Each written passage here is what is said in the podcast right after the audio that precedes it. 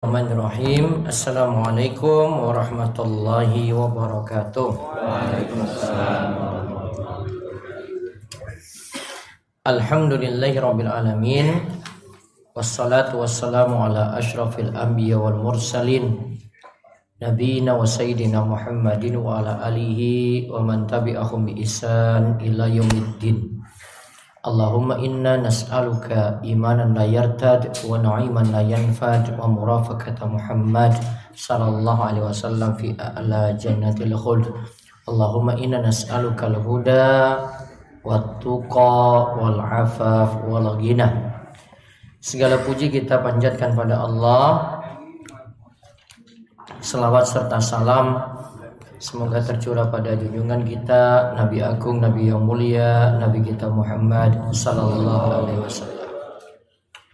Baik Bapak dan Ibu sekalian, pada malam hari ini kita kembali melanjutkan pengawasan rutin kita, melanjutkan pembahasan kitab Riyadus Solihin, di mana kitab ini mengajarkan tentang pembahasan adab, bagaimana adab-adab umum diajarkan dan terusus pada malam hari ini dan juga di pertemuan-pertemuan selanjutnya masih seputar adab-adab terkait interaksi antar anggota keluarga.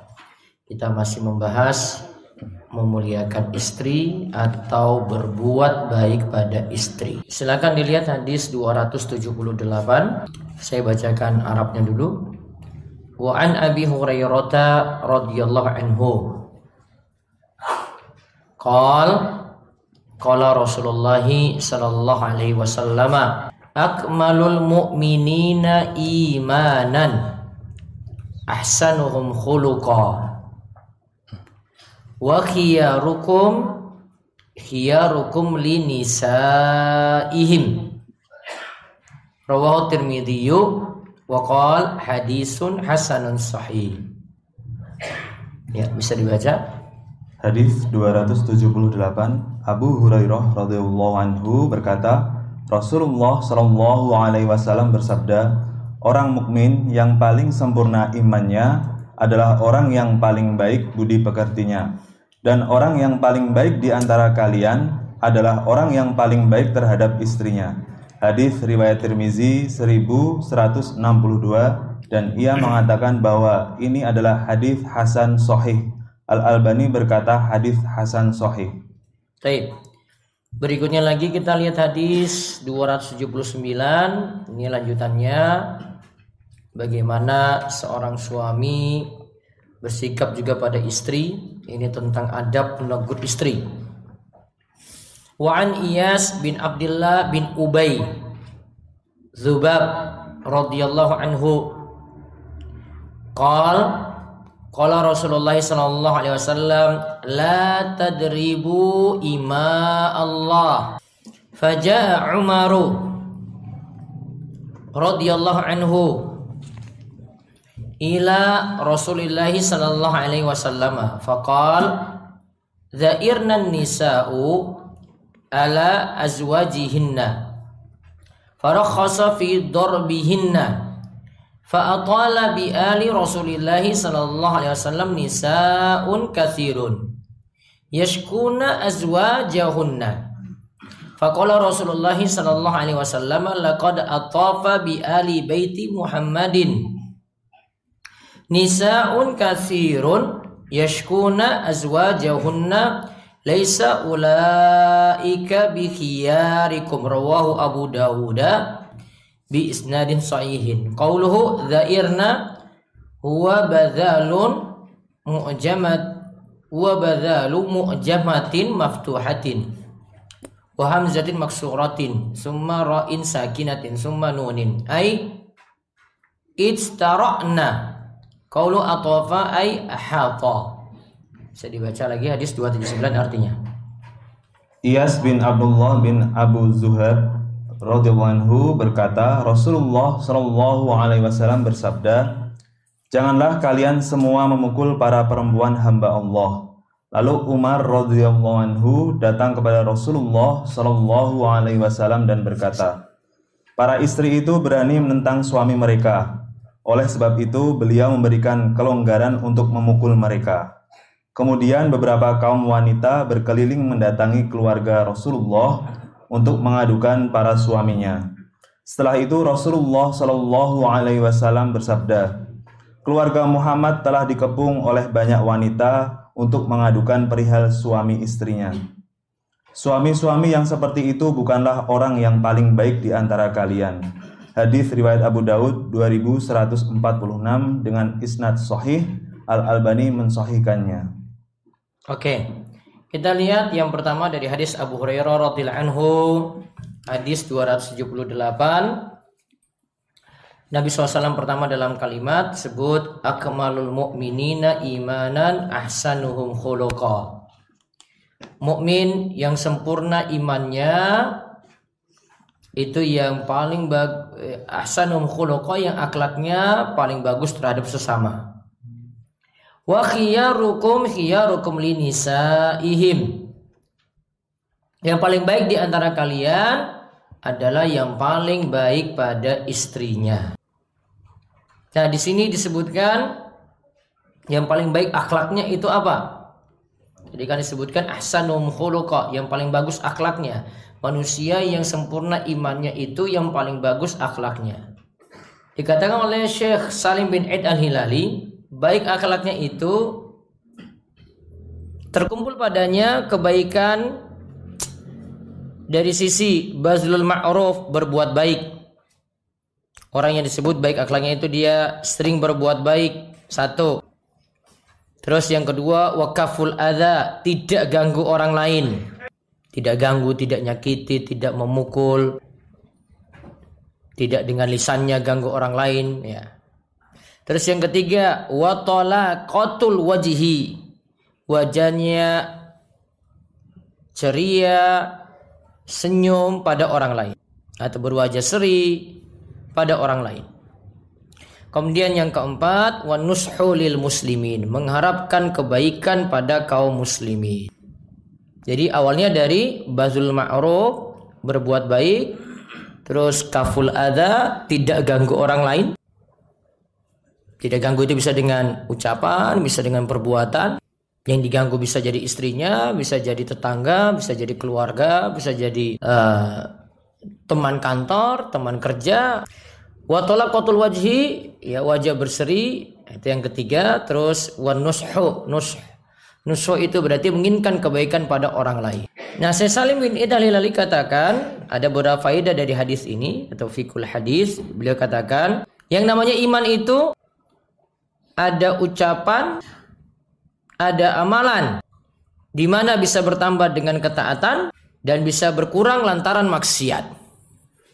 Nah, ingat kaidah Ahlussunnah wal Jamaah ini ya. Iman itu ada ucapan, ada perbuatan. Ada sebagian ulama, uh, ulama yang lainnya juga katakan ucapan, perbuatan dan amalan hati. Kalau amalan hati tidak dimasukkan berarti sudah masuk pada ucapan dan perbuatan tadi ya. Kita kalau pisahkan berarti ucapan, perbuatan dan amalan hati bertambah dengan ketaatan, berkurang lantaran maksiat. Maka kita itu makin tambah ibadah, tambah ilmu, iman bertambah. Makin tambah zikirnya, makin semangat baca Qur'annya, makin semangat doanya, iman bertambah. Wayang kusu bil maksiat dan lantaran maksiat iman itu berkurang. Dan sifat iman itu bisa jadi fluktuatif, naik turun. Ya, kadang naik, kadang turun, kadang anjlok sekali, kadang naik sekali. Naiknya pesat itu ya. Bisa. Terus faedah yang berikutnya lagi kata Syekh Salim yaitu dalil ini menunjukkan iman itu ada yang pokok dan ada yang penyempurna. Ada iman yang pokok dan ada yang penyempurna. Sehingga bisa jadi yang kurang itu pada iman yang penyempurna, bukan iman yang pokok. Ada suami yang tidak buat baik pada istrinya, pokok iman tetap ada, iman yang pokok tetap ada, namun iman yang sempurna ini berkurang. Bukan berarti orang ini kafir karena imannya nggak ada. Itu cuma kesempurnaan iman saja yang tidak ada. Jadi ada iman itu ada dua yang harus diperhatikan ada aslun yang pokok dan ada kamalun penyempurna. Kekeliruannya adalah seperti pemahaman orang khawarij. Orang khawarij itu menyangka mereka itu berpendapat kalau iman itu cuma pokok saja. Sehingga kalau iman itu kurang, cacat, dianggap aslun atau pokoknya semuanya itu nggak ada. Sehingga yang ada dalam pemahaman khawarij adalah orang pokoknya kafir. Ya. Apalagi kalau dia lakukan dosa besar dia kafir dia zina ya, ya dia lakukan dosa besar dia kafir. Karena iman itu dianggap satu bagian saja, tidak ada bagian yang namanya pokok, tidak ada bagian yang namanya penyempurna.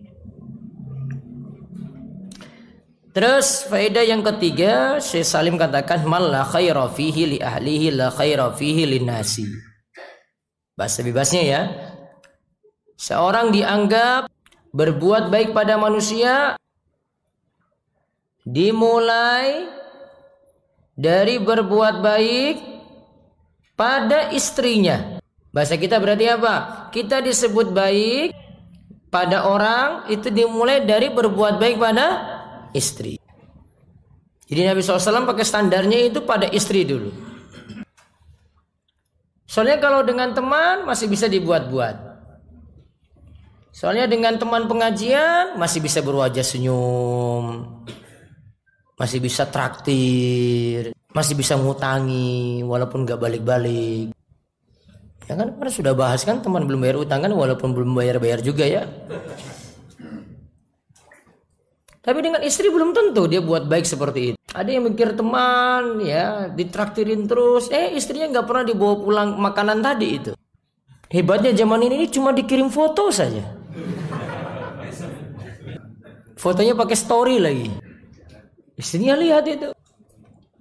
Jadi Nabi SAW pakai standar berbuat baik pada istri dulu. Kenapa? Pertama, yang sering laki-laki temui di uh, setiap harinya di rumahnya ya istrinya. Terus alasan yang kedua, kezaliman itu paling rentan dilakukan oleh seorang suami ya pada istrinya sendiri. Laki-laki itu bisa berbuat zolim itu mulai dari istrinya dulu dan paling rentan di situ. Soalnya interaksinya paling sering. Kaidahnya itu adalah yang paling sering kita temui justru itu yang paling sering kita zolimi. Betul nggak? Eh, bapak-bapak. Kemungkinan besar. Yang jarang-jarang temui, kita jarang ketemu, Jarang situ mau buat zolim. Enggak ketemu kok. Ya sering kita temui, justru lebih sering kita zolimi. Pasti ada masalah di situ. Orang satu kantor itu kalau beda ruangan nggak pernah ketemu, ya salahnya itu sedikit. Tapi kalau dalam satu ruangan ketemu terus, guyonnya ada berlebihan, candaannya berlebihan. Ya. Karena sering ketemu tadi. Beda kalau sudah beda ruangan, beda lantai, beda gedung gitu ya. Beda. Apalagi sama istri sendiri. Maka kezaliman paling rentan itu dari suami ya pada istrinya. Maka tepat di sini katakan oleh Nabi SAW, beliau pakai standar hiyarukum hiyarukum linisa ihim. Atau tadi bahasa dari si Salim adalah mala khaira li ahli la khaira linnas. Kalau diterjemahkan bebas itu Bahasanya kayak tadi, seorang itu baru dikatakan berbuat baik pada manusia dimulai dari berbuat baik pada istri. Jadi mau seorang itu baik ya dari istrinya. Gimana tingkah lakunya ya? Nanti kan tahu, oh, dia itu baik, dia itu baik sekali, dia itu zolim, tahu. Ada suami yang mungkin dia dengan kata-kata nggak pernah sakiti istri. Mukuli istri juga nggak pernah. Tapi dia dalam bentuk sikap bisa, nggak pernah senyum. Ya, terus bisa jadi dari perbuatan dia nafkahnya kurang, uangnya ada nggak ada. Tapi mungkin dalam sebulan, ya, 700 ribu cukup nggak itu ya? Tergantung apa?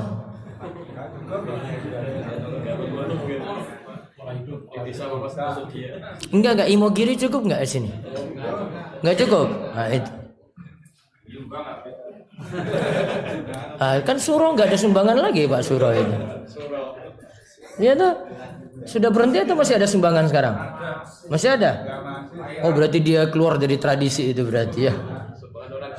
Oh, sumbangan orang sakit ya. Itu nggak cukup itu berarti ya. Kalau misalnya penghasilannya 3 juta terus dikasih istri cuma ini untuk kamu aja itu. Atas istri kurang, anak-anak juga kurang gizinya gitu, nggak perhatikan nafkah berarti kurang di situ. Dia nggak sakiti dengan ucapan di situ. Satu setengah juta cukup ya? Ya mudah-mudahan itu ya. Mudah-mudahan cukup, cukup cukupkan itu berarti. Itu tadi nggak ada ucapan, nggak ada main fisik, nggak. Dan dihukum positif di negara kita ini, KDRT itu bukan hanya dari sisi ucapan maupun dari sisi mukuli istri bukan. Namun kalau dia nggak nafkahi, itu juga sudah KDRT di situ, Pak. Dia tidak memberikan nafkah itu sudah KDRT juga. Ini jenengan jangan bilang, wah saya nggak pernah maki-maki istri saya, nggak pernah mukuli istri saya. Coba lihat nafkah itu. Di hukum positif itu masuk. Pelanggaran itu. Bisa jadi dengan sikap dia lagi. Istri salah, ya sikapnya kan waktu itu kita bahas nasihati dulu nah. Terus kalau nggak mempan apa? Dia apa? Dihajar, diboikot, di antara bentuknya pisah ranjang. Ya kan? Bisa jadi istrinya ketika diingatkan kayak gitu, dinasihati atau dihajar tadi sudah sadar. Tapi suami tahan-tahan terus. Ya. Suami boikot terus. Akhirnya istrinya ya terkungkung dalam rumah, nggak pernah diajak ngobrol gitu. Sampai istri merasa terzolimi. Mungkin akhirnya susah makan juga. Statusnya itu masih suami itu. Walaupun sebagian ulama itu katakan untuk istri yang khusus apakah ada kewajiban nafkah atau tidak? Uh, jumur ulama katakan kewajiban nafkah ada. Oh, maaf, jumur ulama katakan kewajiban nafkah tidak karena dia nusus, dia membangkang di situ. Namun sebagian ulama katakan tetap ada nafkah di situ. Tapi kalau lihat dari hukum positif di negeri kita ini, oh nafkah ada. Maka dia bisa kena tuntutan ketika itu. Kalau dia tidak beri nafkah, walaupun alasannya istrinya nusus. Nah itu zolim di sini. Itu tidak pakai ucapan, tidak pakai serangan fisik, enggak itu. Enggak pakai pukul, enggak pakai mukul, enggak. Bisa jadi perampasan harta istri juga. Bagaimana bentuknya? Tanah ini, tanah A ini istrinya yang beli. Terus suatu saat suami jual tanah tadi. Istri nggak dikasih bagian. Yang dikasih bagian cuma keluarga dari suami. Zolim si suami. Karena itu asalnya tanahnya istri. Harusnya dia serahkan dulu pada istri, dikasih sekian, ya. Kalau memang istrinya minta utuh ya dia kasih utuh. Kalau istrinya bilang sudah saya sebagian aja. Oh berarti istrinya sudah ridho. Nah terserah setelah itu sisanya dia mau kasih ke keluarganya monggo. Itu perampasan harta istri namanya. Jadi jangan bayangin kalau zolim itu cuma zolim pada orang lain. Zolim pada istri itu kayak tadi. Itu perampasan kayak gini sering banget dalam keluarga. Apalagi kalau tahu istri itu punya harta waris itu banyak. Diincar tuh hartanya itu. Diambil tuh sertifikatnya itu. Dia tindakan zolim di sini. Itu tidak pakai ucapan. Tidak pakai mukul loh itu. Rampas. Dia jual diam-diam. Zolim itu. Boleh jadi dia dengan orang orang lain baik, tapi dengan watak pada istrinya, karakter pada istrinya kayak gitu. Sekali lagi yang ditekankan Nabi SAW itu tidak jauh-jauh berbuat baik itu dari keluarga sendiri. Terus faedah yang berikutnya lagi kata Sesalim, keluarga itu lebih didahulukan dalam berbuat baik daripada orang lain. Jadi dari keluarga dulu. Pada kemarin sudah kita singgung dengan keluarga itu seringnya ada konflik. Seringnya cekcok. Seringnya rampas-rampasan harta. Lagi kalau ujung-ujungnya sudah bahas tentang wasiat, hibah, waris. Itu lebih lagi dari itu. Bahkan Ibnu Qayyim itu katakan masalah terkait harta dengan keluarga itu lebih parah dibandingkan masalahnya jika dengan orang lain. Bahasa bebasnya Ibnu Qayyim sebutkan seperti itu dalam Miftah dari Sa'ad. Kalau punya urusan masalah harta dengan keluarga sendiri, lebih sulit untuk, untuk ngatasi itu, untuk lebih sulit untuk menyelesaikan itu dibandingkan dengan orang jauh. Nah, oleh karena itu buat baik pada kerabat ini lebih berat sebenarnya. Dan kita dituntut untuk buat baik itu dari keluarga dulu. Kalau dengan keluarga baik, insya Allah yang lain-lainnya juga akan turut baik di situ. Namun kadang kalau sudah bahas harta, peninggalan, nanti anak pertama yang kuasai harta, yang kuasai tanah-tanah, adiknya ada tiga nggak dikasih sama sekali, bapak ibunya meninggal, kakak kuasai semua, ya zolim ya adik-adiknya tadi itu. Bukan kakak jual tanah sendiri terus untungnya ya dia kuasai sendiri, adik-adiknya nggak dapat bagian sama sekali. Alasannya dia yang jaga tabun lah, Alasannya dia yang rawat orang tua lah. Oh kalau sudah bahas duit kayak gini, harta kayak gini, tanah kayak gini itu ya Allah nggak akan ada ujung-ujungnya. Mau perang ya perang lah. Nggak akan habis-habisnya itu. Kalau dituntut di sini ya dari kerabat dulu kita buat baik daripada orang jauh. Makanya kan ada istilah silaturahim. Silaturahim itu adalah sila itu menyambung. Rahim itu kerabat. Berarti menyambung hubungan kerabat. Yang namanya menyambung itu berarti sebelumnya apa? Putus. Kalau sudah ada yang sambungin kita lanjut, itu sebenarnya bukan silaturahim. Silaturahim itu ada hubungan yang putus kemudian disambung. Lebih berat itu toh. Kalau hubungannya normal-normal aja terus datangi lagi, itu cuma lanjutkan saja. Masih muda itu. Tapi kalau yang sudah putus, disambung lagi berat nggak berat. Oh gara-gara tanah kakak nggak pernah di kakak nggak pernah telepon lagi. Oh, gara-gara tanah sudah nggak pernah bicara lagi. Wong Idul Fitri saya nggak mau saling ketemu. Terus selesaikannya bagaimana? Yang ngejalin hubungan lagi itulah yang paling bagus. Dalam hadis Nabi SAW yang mulai yang mulai dalam ucapan salam itulah yang bagus. Yang mulai dalam mengucapkan salam. Itulah yang bagus. Berarti kalau memulai mengucapkan salam berarti ada yang ngalah. Walaupun saudaranya yang salah. Namun dia pingin masalahnya cepat selesai. Berat nggak itu kalau ngalah itu? Eh bapak, berat nggak? Berat. Oh, apalagi urusan duit. Wong itu hak saya kok saya minta maaf. Wong itu hak saya kok saya yang salami dulu. Oh berat itu. Itulah yang namanya faedah dari silaturahim yang Nabi SAW katakan siapa yang jalin hubungan dengan keluarganya dengan silaturahim tadi maka Allah akan memperpanjang umurnya atau memberkahi umurnya dan memberkahi hartanya. Itu faedahnya di situ. Pelajarannya silaturahim kayak tadi dari yang putus baru disambung. Pahalanya luar biasa itu. Ustaz, kalau saya sudah mau nyambung tapi dia nggak mau damai dengan saya bagaimana? Ya sudah itu urusan dia dengan Allah. Yang penting kita sudah punya etikat baik di situ. Ustaz, saya sudah salamin, saya sudah telepon, saya sudah WA, nggak mau diangkat. Saya sudah kirim hadiah juga nggak ada tanggapan apa-apa. Matur nuwun saja enggak. Yang penting kita sudah berbuat baik. Sudah dapat pahala silaturahim itu. Dia aja yang nanti punya masalah di sisi Allah. Kemudian faedah yang berikutnya lagi, ini kata Syekh Salim juga ini disebut oleh uh, Syekh Mustafa Al-Buqa dalam Nuzza Al-Muttaqin. Muamalah dengan istri yang bagus adalah satu. Muamalah dengan istri ya. Atau interaksi dengan istri yang paling bagus adalah satu. tolak kotul wajhi. Berwajah manis di hadapan istri.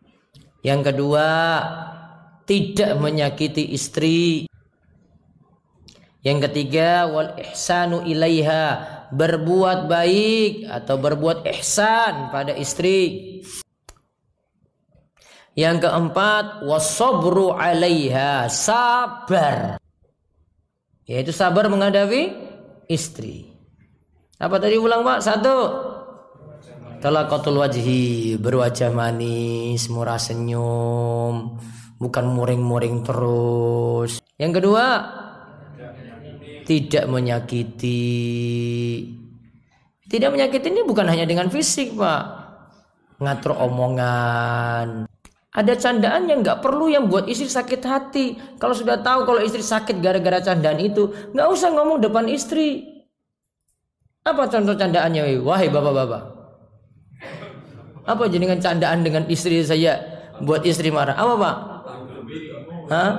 Itu Pak Toto bilang mau poligami. Wes aku orang rabi meneh. Iya itu coba deh. Sensi banget itu. Nggak usah ngomong-ngomong depan istri itu pasti biang masalah itu. Itu jadi masalah pagi besok nggak masak itu pasti itu pak. Jangan coba-coba. Sudah tahu dari dulu istri nggak senang itu panas-panasin terus. Laganya kayak ganteng aja. iya, kayak banyak yang ngantri aja. Kayak Raffi Ahmad ya. lah kayak ada banyak yang ngantri aja. Udah saya mau rapi mana? Iya kalau laku bilang aja istri nanti kalau saya kasih tahu istri nanti ngomong iya kayak laku mas. Modal nggak ada, tampang biasa-biasa, rekening kayak gitu. Mau modal I love you aja gitu ya. Kalau rekening banyak, insya Allah nanti nanti good lookingnya itu dimaafin. Karena punya good rekening. Iya tak pak? Coba aja lihat, lihat aja yang uh, maaf laki-laki yang muka biasa-biasa saja itu biasanya istrinya cantik gitu. Kalau dengan yang mukanya glowing tapi rekeningnya biasa. Hmm. Kalau wajahnya biasa-biasa saja dimaafkan tuh karena punya good rekening gitu. Ya pokok jelas. hmm. Itu. Jadi ada yang bahasan yang sensi, yang buat masalah, dari kemarin buat cecok terus gitu ya yang nggak boleh disebut-sebut tahan diri ya apalagi kalau masalah-masalah ini diungkit lagi gitu ya nggak usah dibahas kaful ada namanya itu kaful ada itu enggak hanya bahasanya mukul istri gitu enggak itu enggak sampai situ mungkin yang fisik tadi enggak tapi bisa jadi dari ucapan sudah dari kemarin masalah kok ngangkat itu terus Terus saya mau ngomong itu di mana? Boh di grup bapak-bapak kek. Hmm, nanti kalau istri mau lihat langsung dihapus semua sak grup itu lah. Clear catch gitu lah selesai. Terlalu pede-pede gitu.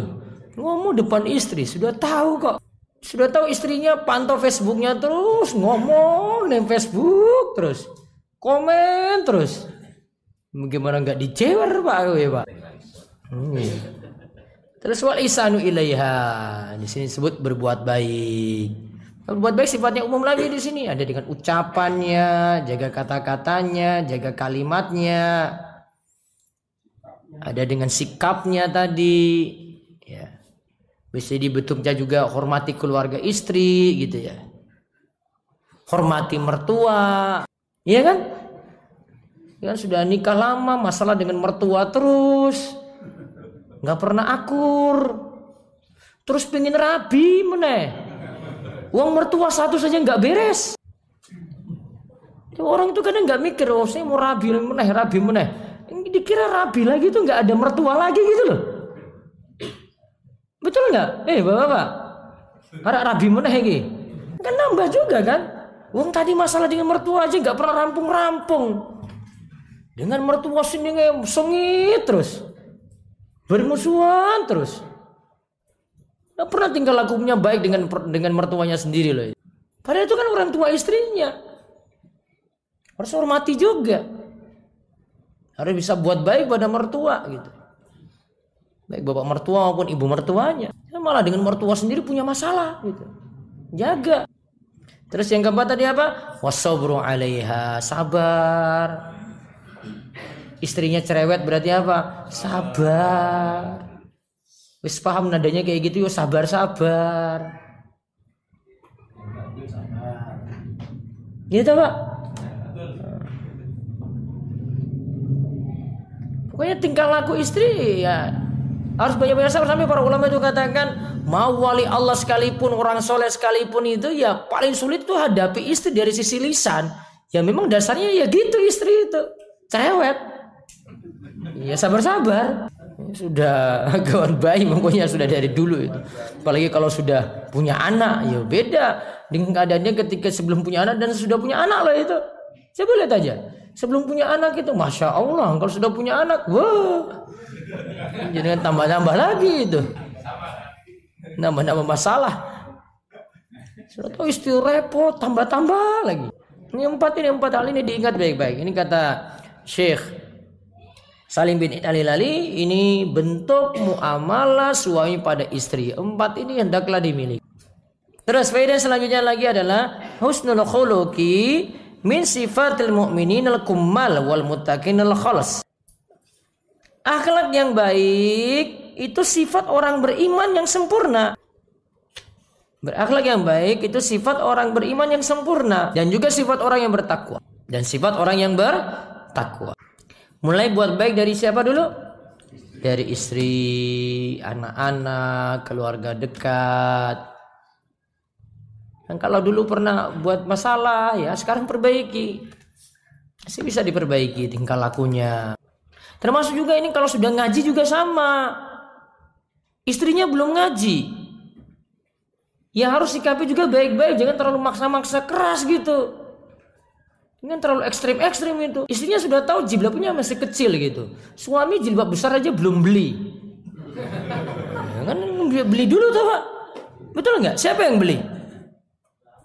suami itu aja belum disiapin Mbok itu disiapin dulu baru komentar gitu loh. Ini istri sudah dicerewetin terus oleh suami. Masalah pakaian misalnya. Wong suami belum sediakan dulu. Mbok belikan usaha kerja terus dapat duit siapin untuk itu itu biar istri persiapan untuk pakaiannya lagi untuk powernya disempurna nah adapun hadis 279 ini kaitannya dengan istri dari sisi uh, nanti di antaranya menyingkapi istri itu dari sisi dari saya baca syarahnya ini bagaimana beradab dengan istri dari sisi memukul dan seterusnya ini kita bahas di hadis 279. Dari Iyas bin Abdullah bin bin Abi Zubab radhiyallahu anhu ia berkata Rasulullah SAW katakan la tadribu ima Allah Janganlah memukul ima Allah. Ima Allah itu maksudnya Anissa. Anissa yaitu istri. Nah di sini saya Salim katakan jika istri itu nusus membangkang tidak patuh jika istri nusus membangkang atau tidak patuh maka untuk mendidiknya suami boleh memukul dengan catatan. Ini berarti dengan catatan ini syarat-syaratnya ya. Syarat memukul. Satu. Ayakuna ghaira mubarrihin. Pukulannya tidak membekas. Terus yang kedua, hendaklah menghindari wajah. Terus yang ketiga, memukul itu setelah nasihat tidak bisa dan hajar tidak bisa. Hajar itu artinya memboikot ya. Tadi nasihat tidak bisa, terus hajar nggak bisa. Berarti yang nggak boleh gimana? Belum apa-apa, langsung mukul. Belum apa-apa, belum dihajar, langsung mukul. Terus yang keempat syaratnya ayakuna ta'diban la ghararan. Memukulnya itu untuk mendidik bukan untuk mencelakai. Memukulnya itu untuk mendidik bukan untuk mencelakai. Yang saya tahu kalau contoh para ulama ketika contohkan memukul ini itu hanya menggunakan kayu siwak. Tahu kayu siwak? Coba pena, coba pena. Nah. Ini persis banget nih kayak gini nih. Nah, ini kayak gini. Enggak poin nih loh, Pak. Hmm, aja itu itu kayak apa pukul lagi, Pak.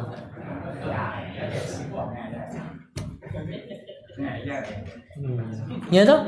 Coba. Nah, kayak gitu aja. Kayak simak itu kayak poinnya jenengan itu loh. Dan kayak simak itu tipis aja. Mukulnya pakai itu. Saya pas dengar itu, oh kayak gitu ya. Saya dari dulu itu kira pakai tangan yang penting nggak bekas gitu. Salah. Sapu besar gitu. Ya Allah, itu sama dengan apa ya kalau dalam bahasa kita itu Pak ya? Hah? Coba lihat.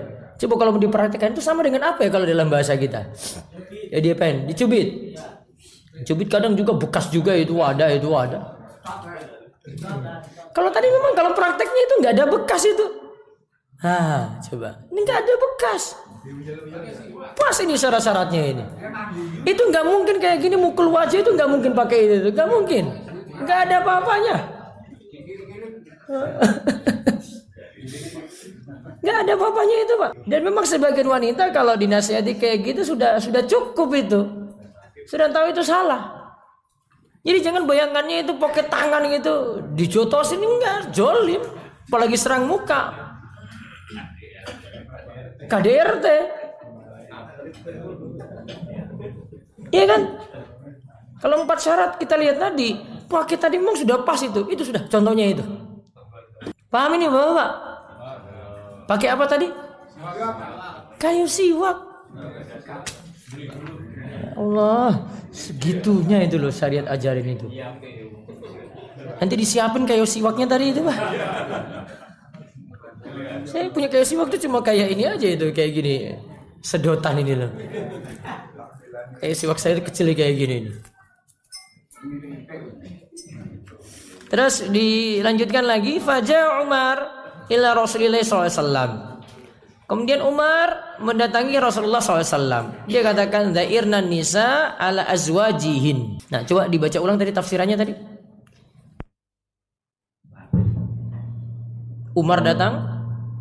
Lalu Umar radhiyallahu anhu datang kepada Rasulullah Shallallahu alaihi wasallam dan berkata, para istri itu berani menentang suami mereka. Nah, para istri berani menentang suami mereka. Terus oleh sebab itu, beliau memberikan kelonggaran untuk memukul mereka. Memukul siapa? Istri, Istri. tadi. Terus.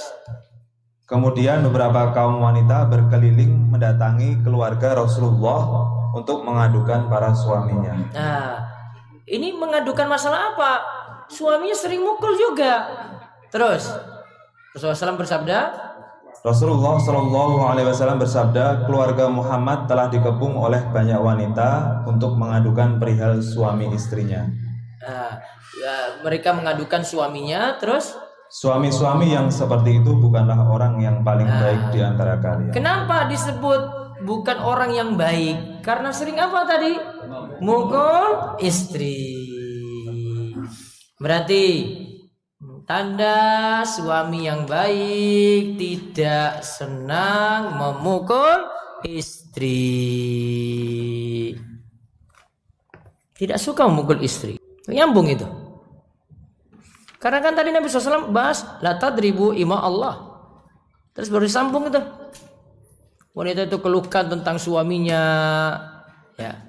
Oh, ada wanita memang yang sering komen, yang sering kata-katanya nggak enak terus suaminya itu diberi keringanan untuk memukul ya kemudian akhirnya lantaran ini wanita-wanita mengeluh lagi karena suaminya ada yang memukul dia kemudian Rasulullah SAW itu memberi, memberikan ciri-ciri kalau suami yang sering memukul ini bukan suami yang baik tentu saja memukulnya tadi apalagi tidak memenuhi syarat yang empat yang kita sebutkan Faedah yang lainnya lagi dari Sesalim beliau katakan laki-laki itu pemimpin di rumah.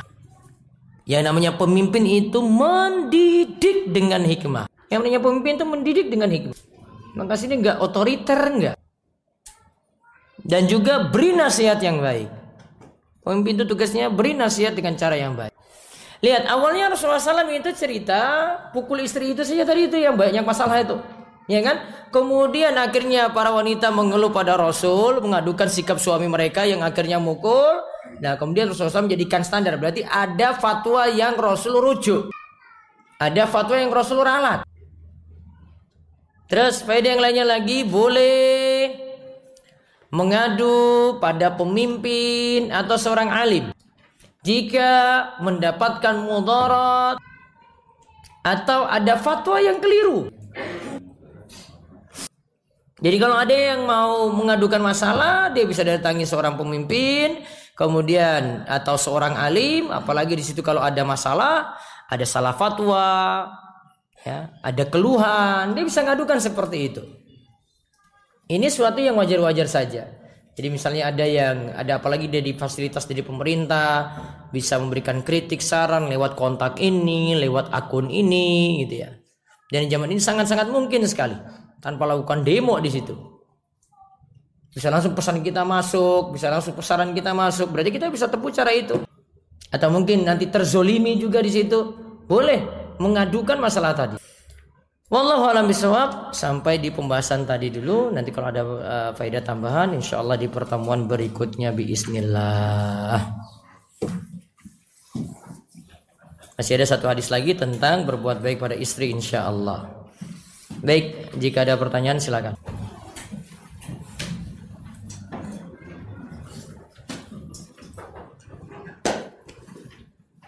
Ada pertanyaan?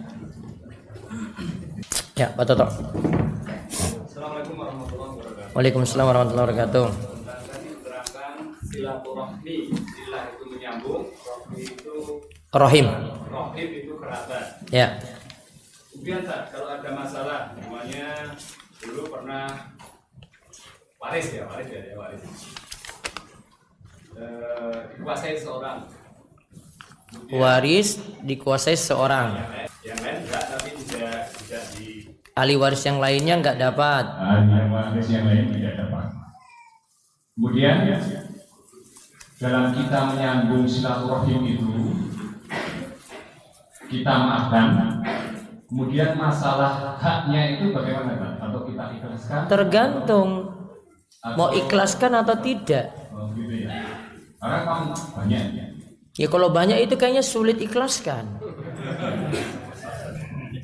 Ya, sering kayak saya kasih contoh kalau sudah bahas waris misalnya harusnya dapat 1 M. Coba aja ikhlaskan Pak Toto. Bisa.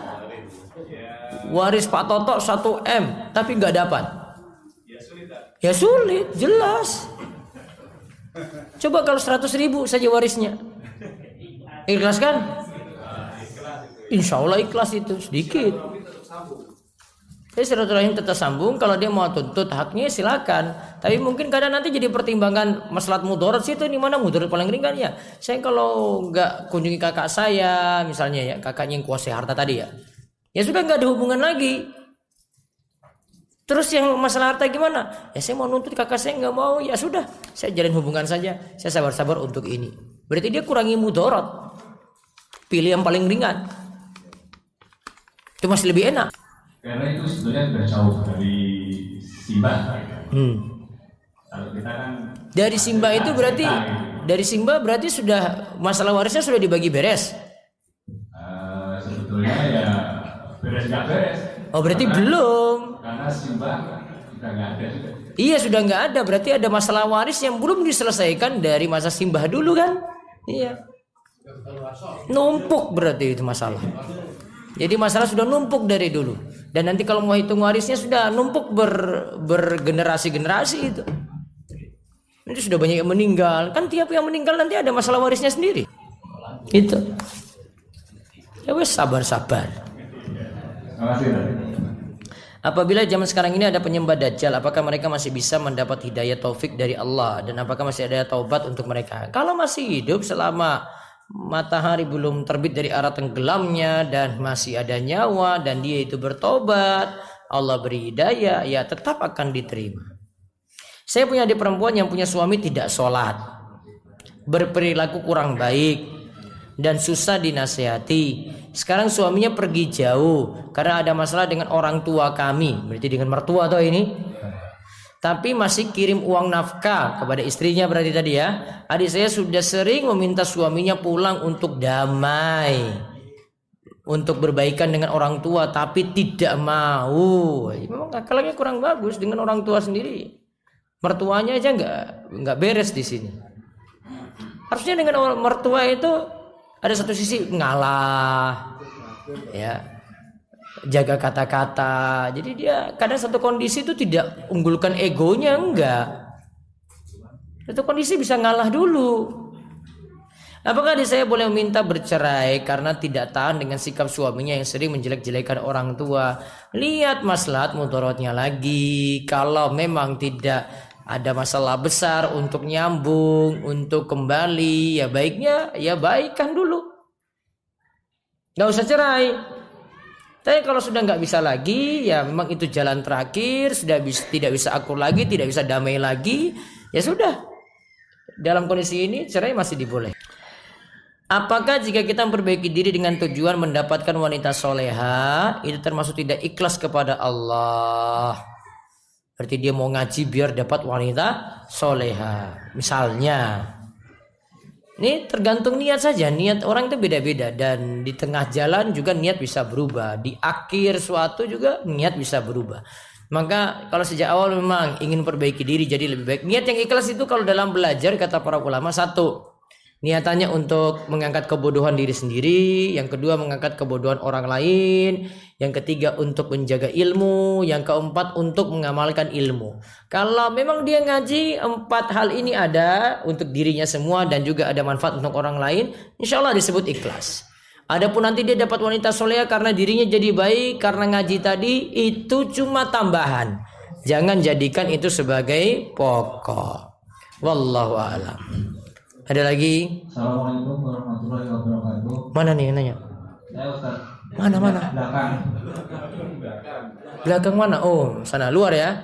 Ya. Waalaikumsalam warahmatullahi wabarakatuh. Silakan. Ya, Ustaz, saya ingin bertanya, apa hukumnya uh, biro jodoh yang uh, dalam berkomunikasi antara pasangan taruh itu langsung jadi tidak ada perantara dari admin atau dari wali dari si aku. Wah, itu pacaran terselubung di dalam grup WA itu namanya itu, Pak.